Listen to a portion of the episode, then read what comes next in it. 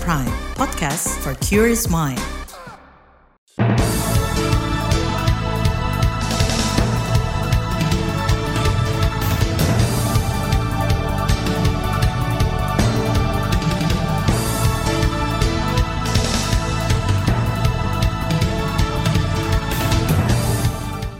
Selamat pagi saudara, senang sekali bisa menjumpai Anda kembali melalui program Buletin Pagi edisi Selasa 24 Januari 2023. Saya Malika. Sejumlah informasi pilihan telah kami siapkan di antaranya pemerintah diminta tingkatkan capaian vaksin COVID-19 dengan jemput bola. Pemerintah akan lanjutkan bersih-bersih BUMN. Aji Jayapura desak usut tuntas dugaan teror terhadap jurnalis Papua Victor Mambor. Inilah Buletin Pagi selengkapnya. Terbaru di Buletin Pagi. Saudara, mulai hari ini pemerintah melalui Kementerian Kesehatan menyediakan vaksin COVID-19 booster atau penguat dosis kedua untuk masyarakat umum usia 18 tahun ke atas. Juru bicara Kemenkes Siti Nadia Tarmizi meminta masyarakat segera melakukan vaksinasi booster kedua untuk menjaga imunitas tubuh informasi-informasi yang kita dapatkan seperti peningkatan kejadian di Cina ya apa pun juga subvariannya itu oleh karena itu untuk mempertahankan tingkat oh, imunitas pada kelompok walaupun masih tinggi tapi adanya potensi-potensi dua hal tadi uh, oleh karena itu pemerintah membuat kebijakan untuk bisa masyarakat mendapatkan vaksinasi booster kedua ini. Juru bicara Kemenkes Siti Nadia Tarmizi menambahkan kelompok rentan akan menjadi prioritas utama di vaksinasi COVID-19 booster kedua ini. Sementara itu, pemerintah Provinsi DKI Jakarta mengklaim siap mendorong capaian vaksinasi COVID-19 booster kedua dengan menggencarkan sosialisasi di tingkat RT dan RW. Kepala Seksi Surveillance, Epidemiologi, dan Imunisasi Dinas Kesehatan DKI Jakarta, Ngabila Salama. Tenaga kami sudah sangat siap gitu sekarang masalahnya masyarakat mau bergerak atau enggak. Nah, oleh karena itu memang strategi uh, akar rumput dalam tanda kutip itu perlu kita giatkan lagi. Bagaimana pelibatan dari RT, RW, kader masyarakat, lalu juga para dewan masjid ya di masjid itu perlu kita kembangkan lagi. Kami juga selalu mengingatkan di grup bersama uh, dengan dewan masjid, para kader, para aparat wilayah itu kita punya grup bersama. Kita selalu mengingatkan terkait dengan pentingnya ini kayak gitu. Kepala Seksi di Dinas Kesehatan DKI Jakarta Ngabila Salama menyebut Pemprov DKI juga telah menyiapkan ratusan lokasi distribusi vaksinasi COVID-19 booster kedua. Layanan vaksinasi itu akan berlangsung setiap hari termasuk sore dan malam hari di 44 puskesmas kecamatan. Ia berharap masyarakat memahami pentingnya vaksinasi COVID-19, terutama kelompok beresiko berusia 40 tahun ke atas dan memiliki komorbid. Saat ini capaian vaksinasi dosis pertama dan kedua di DKI Jakarta telah melebihi 100 persen, sementara vaksinasi dosis kedua ketiga atau booster pertama mencapai 70-an persen dengan lanjut usia hanya 58 persen. Kalangan parlemen mendorong pemerintah menguatkan strategi pemberian vaksinasi COVID-19 booster kedua agar capaiannya tinggi. Salah satunya, kata anggota Komisi Kesehatan DPR Rahmat Handoyo, dengan melakukan upaya jemput bola oleh perangkat daerah kepala daerah untuk berkomunikasi dengan uh, camat, camat kepada kepala desa maupun lurahnya untuk uh, mengajak, mendorong kepada masyarakat yang di daerah-daerah, di kampung-kampung, level RT, pengurus RT untuk digerakkan. Ini loh pemerintah sudah menyiapkan secara gratis, silakan berkunjung. Nah kalau sebatas pengumuman, kemudian sebatas himbauan, saya kira ternyata juga tidak eh, apa namanya efeknya atau tidak eh, tanggapannya sama dengan yang vaksin eh, booster pertama ya tidak terlalu signifikan ya. Anggota Komisi Kesehatan DPR Ahmad Handoyo juga meminta pemerintah terus menyosialisasikan terkait ketersediaan vaksin COVID-19 booster kedua, termasuk informasi bahwa vaksin ini gratis. Sementara itu, kalangan epidemiolog mengingatkan pentingnya mencapai kekebalan komunal di tengah pemulihan ekonomi dan pencabutan pemberlakuan pembatasan kegiatan masyarakat PPKM. Epidemiolog dari Universitas Erlangga Surabaya, Laura Nafika Yamani, mendorong peningkatan capaian vaksin COVID-19 sebagai dasar perlindungan terhadap varian maupun subvarian baru virus corona. Dia juga mengingatkan agar distribusi vaksin dilakukan merata tanpa biaya dan dapat diakses masyarakat umum tujuan dari vaksinasi itu kan adalah untuk mencapai herd immunity, jadi kekebalan komunitas. Ini bisa dicapai ya ketika vaksin itu diberikan uh, tidak hanya dalam jumlah besar tapi juga juga uh, vaksin ini bisa diberikan secara merata. Jadi percuma misalkan hanya satu wilayah atau satu lokasi, satu area, itu cakupan vaksinasinya tinggi. Tapi kalau dihitung secara nasional itu masih rendah di beberapa daerah yang lain. Epidemiolog Laura Nafika Yamani menambahkan vaksinasi booster kedua dapat meningkatkan imunitas tubuh seseorang karena suntikan dosis pertama dan kedua sudah menurun efektivitasnya dalam kurun waktu tertentu. Ia juga mendorong pemerintah dan pemangku kepentingan mengevaluasi penyebab semakin rendahnya capaian vaksinasi dosis booster dibanding dosis pertama dan kedua. Pemerintah lanjutkan bersih-bersih BUMN dari tindak korupsi. Informasinya akan hadir sesaat lagi, tetaplah di Buletin Pagi KBR. You're listening to KBR Pride, podcast for curious mind. Enjoy!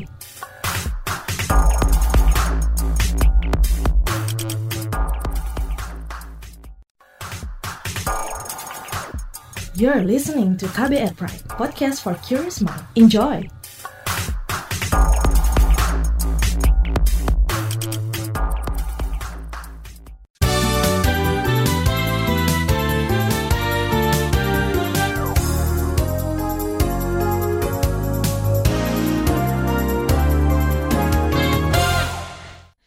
Saudara pemerintah akan terus melanjutkan upaya bersih-bersih badan usaha milik negara BUMN dari tindak pidana korupsi. Menurut Menteri BUMN Erick Thohir, langkah bersih-bersih akan dilanjutkan ke dana pensiun BUMN setelah sebelumnya perusahaan asuransi. Ini setelah dana pensiun uh, Jiwasraya Asabri, sekarang kita mendorong uh, investasi audit, uh, investasi audit untuk dana-dana pensiun BUMN yang kemarin saya ngeliat bukunya ini 35% sehat, 65% sakit. Nah, kita harus antisipasi karena ini bisa angkanya cukup besar. Nah, kita dorong juga kasus-kasus seperti Garuda. Kita dorong kemarin. Lalu juga ada kasus-kasus yang kita tidak tahu terjadi. Ya, contoh misalnya waskita beton ya. Menteri BUMN Erick Thohir menjelaskan saat ini hasil dari program bersih-bersih BUMN yang melibatkan Kejaksaan Agung, KPK maupun aparat penegak hukum lainnya mulai menunjukkan hasil, terutama dari pencapaian laba usai dilakukan perampingan 108 BUMN menjadi 41 BUMN. Peningkatan laba menjadi 125 triliun rupiah dari sebelumnya hanya 13 triliun rupiah. Hasil survei lembaga survei algoritma menunjukkan 61 persen masyarakat puas akan kinerja Presiden Jokowi dan Wakil Presiden Ma'ruf Amin.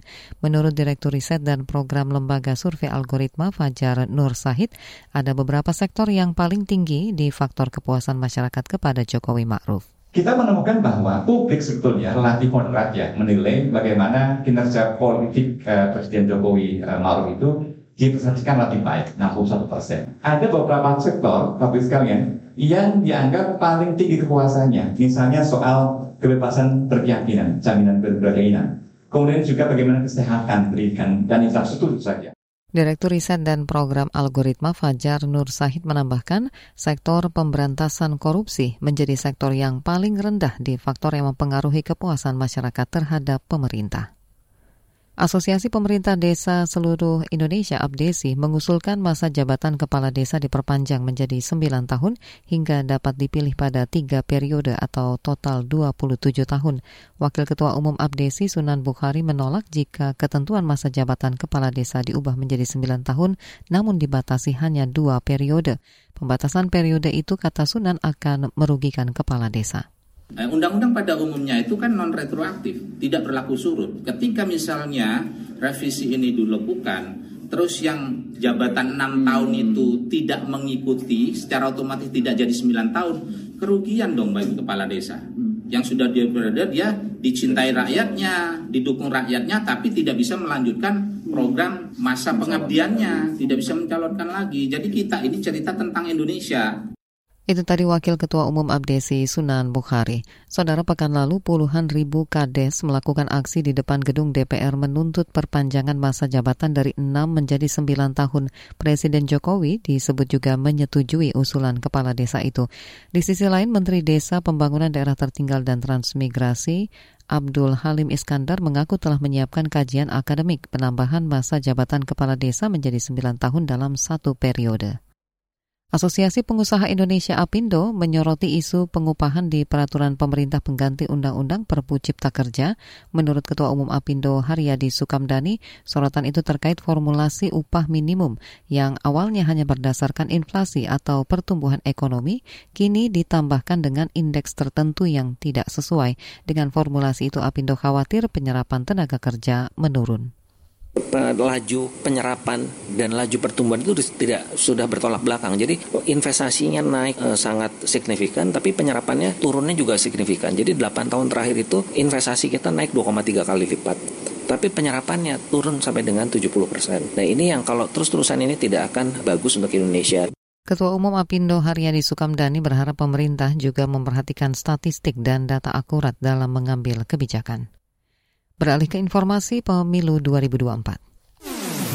Kabar Pemilu. Kabar Pemilu.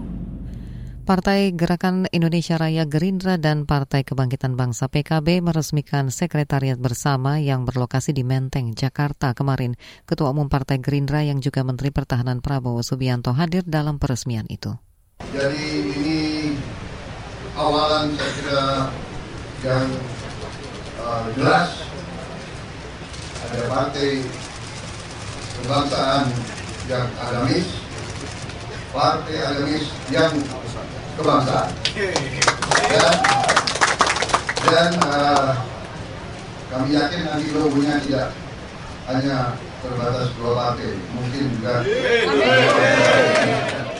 Ketua Umum Partai Gerindra Prabowo Subianto menambahkan sekretariat bersama itu merupakan tindak lanjut kerjasama politik yang telah disepakati kedua partai saat di rapat pimpinan nasional di Sentul Agustus lalu. Sementara Ketua Umum PKB Mohaimin Iskandar mengklaim beberapa partai politik akan bergabung dengan koalisi PKB Gerindra segera setelah sekretariat bersama diresmikan. Koalisi PKB dan Gerindra juga optimistis menang di pemilu 2024. Sebelumnya hasil survei lembaga algoritma menunjukkan partai lama berpeluang besar memenangi hati masyarakat. Hasil survei menyebut 65 persen publik akan memilih partai lama dibanding partai baru dan kecil peluang partai baru untuk menang. Kita ke informasi mancanegara. Kepolisian Los Angeles, Amerika Serikat mengatakan tersangka pelaku penembakan massal di Monterey Park, California, Hu Chan Tran, ditemukan tewas bunuh diri usai melarikan diri dari polisi kemarin. Kepala kepolisian di distrik Los Angeles, Robert Luna, menyebut pria berusia 72 tahun itu diyakini menembak dirinya sendiri setelah polisi mengepung dirinya dan berusaha menangkapnya. Dikutip AFP, penyelidikan penembakan massal itu masih terus berlang berlanjut demi mengungkap motif penembakan. Akhir pekan lalu terjadi penembakan massal di studio dansa dekat Festival Perayaan Imlek di Monterey Park. Insiden itu menewaskan 11 orang, sebagian besar korban tewas berusia 50 hingga 60 tahun. Kita ke dunia olahraga, enam wakil Indonesia menempati daftar unggulan dalam gelaran Indonesia Master 2023 yang akan berlangsung di Istora Gelora Bung Karno, GBK Senayan, 24 hingga 29 Januari. Dikutip dari situs resmi Federasi Bulu Tangkis Dunia BWF, Indonesia Master 2023 memiliki delapan unggulan di setiap nomor pertandingan. Di nomor tunggal putra, Jonathan Christie menduduki unggulan keempat dan Anthony Ginting unggulan kelima. Sedangkan unggulan pertama tunggal Victor Axelsen dipastikan mundur dari Indonesia Master karena kelelahan. Sementara di sektor ganda putra, Fajar Rian berada di posisi teratas dan ganda lainnya Ahsan Hendra di urutan ketiga. Di sektor ganda putri, Apriani Fadia Silva masuk unggulan ketujuh dan Rinov Pita juga menjadi unggulan ketujuh sektor ganda campuran. Di sektor tunggal putri, tidak ada satupun wakil Indonesia yang menempati daftar unggulan. Di bagian berikutnya kami hadirkan laporan khas KBR tentang tuntutan Eliezer dan polemik status justice kolaborator. Tetaplah di Buletin Pagi KBR.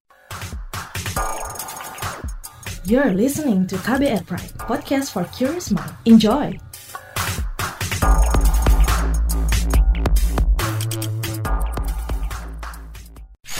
Commercial break. Commercial break. Ada kesedihan, air mata, dan trauma. Namun ada juga gelak tawa, bahagia, dan rasa bangga. Cerita kehidupan manusia adalah perjuangan dan pembelajaran. Pertanyaan di balik itu secara psikologi, apakah dia punya niat membunuh? Kan belum tentu. Saya kaget ketika ada konflik sesama orang Madura sendiri mengatasnamakan aliran keagamaan. Sejak itu, warga Syiah harus mengungsi sampai sekarang. Untuk kehidupan saya pada waktu itu aja nggak menentu kan. Boro-boro mikirin untuk perpustakaan gitu. Saga, cerita tentang nama, peristiwa, dan fakta. Liputan khas KBR ini telah memenangkan berbagai penghargaan nasional dan internasional. Anda sedang mendengarkan program Saga Produksi KBR. Simak di program Buletin Pagi pukul 6 waktu Indonesia Barat, Buletin Sore pukul 16 waktu Indonesia Barat, dan KBR Pagi pukul 7 waktu Indonesia Barat. Dengarkan Saga di radio jaringan KBR di Nusantara atau streaming di kbr.id. Saga juga hadir dalam bentuk podcast di kbrprime.id. KBR, inspiratif, terpercaya.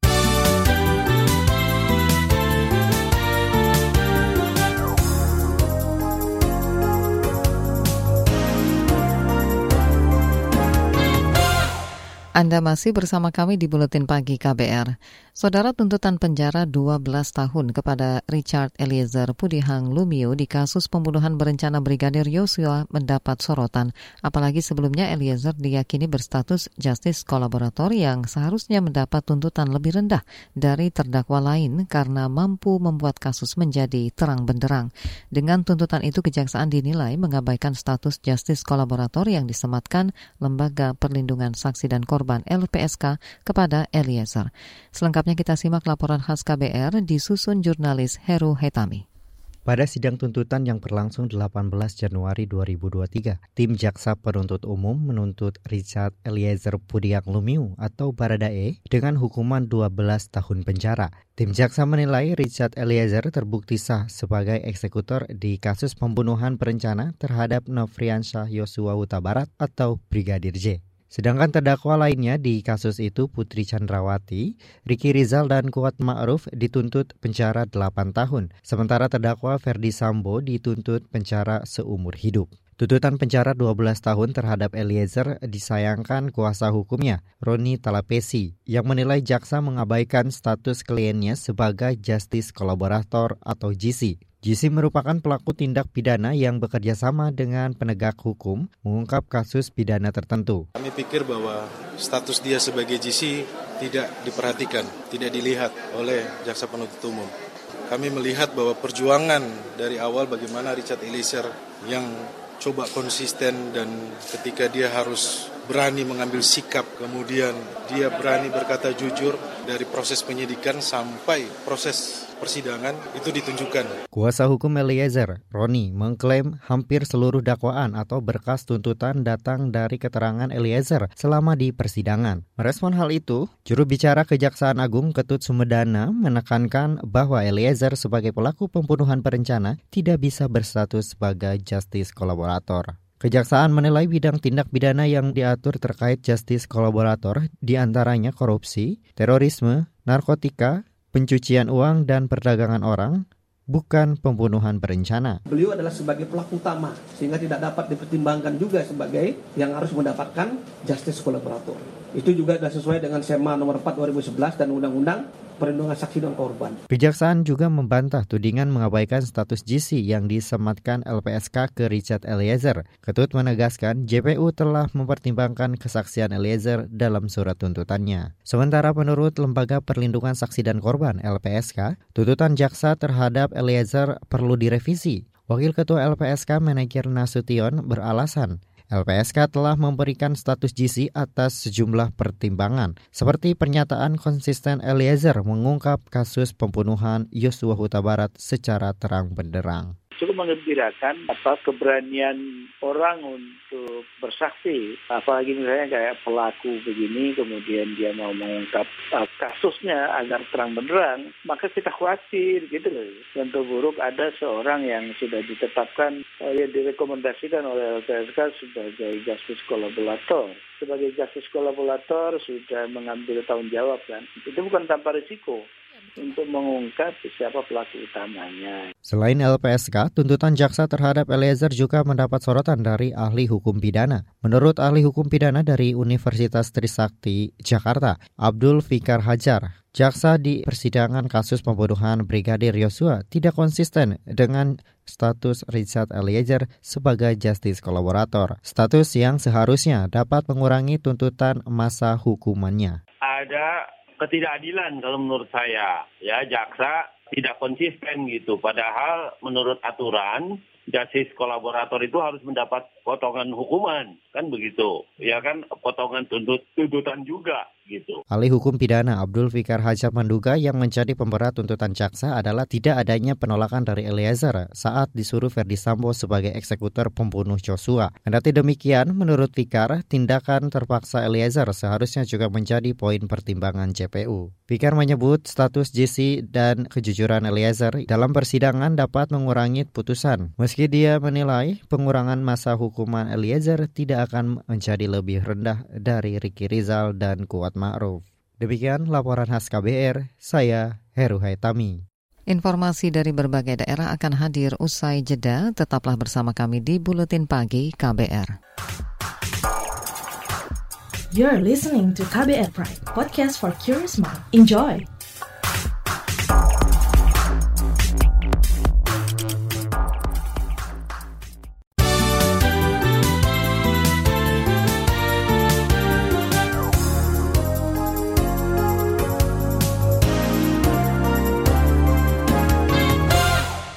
Inilah bagian akhir buletin pagi KBR. Presiden Joko Widodo dan keluarga mengunjungi Taman Satwa Taru Juruk yang saat ini tengah dibenahi dengan nama Solo Safari. Di taman itu Kepala Negara juga melihat proyek pembenahan Solo Safari yang masih belum rampung. Saya diajak Pak Wali untuk melihat pembenahan Taman Juruk sekarang menjadi apa Solo Safari. Saya lihat sangat bagus, meskipun belum selesai sudah kelihatan akan menjadi sangat bagus dan menjadi destinasi baru wisata di kota Solo. Lebih lanjut, Presiden Jokowi optimistis destinasi wisata baru di Solo itu akan menyedot minat wisatawan. Saat ini terdapat 420 ekor satwa dari 80 spesies yang ada di Taman Satwa Taru Juruk. Kita ke Papua, Saudara Aliansi Jurnalis Independen Aji Jayapura mendesak polisi mengusut dugaan teror diduga bom rakitan terhadap Victor Mambor, jurnalis senior Papua kemarin. Menurut Koordinator Advokasi Aji Jayapura Fabio Costa, dugaan teror ini telah dilaporkan ke Polresta Jayapura dan polisi tengah menyelidiki pelaku dan motifnya. Aji Jayapura mengecam dugaan teror dan menilai teror itu sebagai intimidasi dan mengancam keba kebebasan pers di Papua. Aji Jayapura meminta Polda Papua dan Polresta Jayapura Kota mengusut pelaku dan motif di balik peristiwa ini. Aji Jayapura menilai peristiwa ini sebagai bentuk intimidasi yang menghalangi kebebasan pers di Papua. Itu tadi Koordinator Advokasi Aji Jayapura Fabio Costa. April tahun lalu, Victor Mambor yang juga peraih Udin Award 2022 itu juga mendapat teror dari orang tak dikenal. Saat itu mobil Victor dirusak orang tak dikenal. Kasus itu juga telah dilaporkan ke polisi, namun pelaku dan motif pengrusakan belum terungkap hingga saat ini. Gunung Anak Rakatau di Selat Sunda, Lampung mengalami erupsi beberapa kali sejak akhir pekan lalu. Bahkan menurut Kepala Pos Pantau Gunung Anak Rakatau di Lampung Selatan Andi Suwardi, hingga kemarin erupsi masih terjadi. Erupsi kemarin tercatat beberapa kali dengan tinggi kolom letusan mencapai 300 meter di atas puncak dan mengarah ke tenggara. Letusan Anak Rakatau ini terekam dengan amplitudo maksimum 60 mm dengan durasi mulai 30 hingga 140 detik. Pusat Vulkanologi dan Mitigasi Bencana Geologi menyarankan masyarakat, pengunjung, wisatawan, dan pendaki tidak mendekati radius 5 km dari kawah aktif Gunung Anak Rakatau. Sedikitnya 26.700 jiwa atau hampir 9.000 kepala keluarga di lima kabupaten kota di Provinsi Aceh mengungsi akibat banjir. Banjir juga merusak lebih 600 unit rumah. Kepala Pelaksana Badan Penanggulangan Bencana Aceh, Ilyas, mengatakan korban banjir mengungsi di sejumlah rumah ibadah, masjid, dan menasah. Banjir terparah terjadi di wilayah Kabupaten Aceh Utara dengan ketinggian air mencapai 3,5 meter. Yang ingin kami sampaikan bahwa banjir Aceh Utara itu sudah berulang-ulang. Nah ini ba adalah banjir kiriman uh, di samping hujan curah hujan yang tinggi di Aceh Utara. Dan diperhitungkan dalam minggu ini curah hujan di seluruh Aceh itu tinggi. Kepala Pelaksana Badan Penanggulangan Bencana Aceh Ilyas melanjutkan pihak Badan Penanggulangan Bencana Daerah BPBD di masing-masing kabupaten kota sudah diterjunkan untuk melakukan evakuasi warga yang terjebak di lokasi banjir. Selain itu juga bersama Dinas Sosial menyalurkan bantuan logistik bagi warga yang terkena dampak di daerah bencana. Saudara gangguan cuaca ekstrim ini juga mengakibatkan sejumlah titik di ruas jalan nasional di Aceh mengalami putus belum ada laporan korban jiwa dalam peristiwa bencana alam tersebut. Informasi tadi menutup jumpa kita di Buletin Pagi hari ini. Pantau juga informasi terbaru melalui kabar baru, situs kbr.id, Twitter kami di akun @beritaKBR, serta podcast di alamat kbrprime.id. Saya Malika bersama tim yang bertugas undur diri. Salam.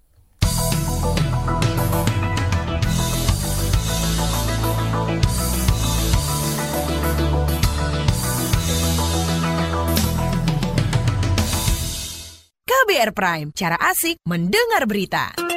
KBR Prime, podcast for curious mind.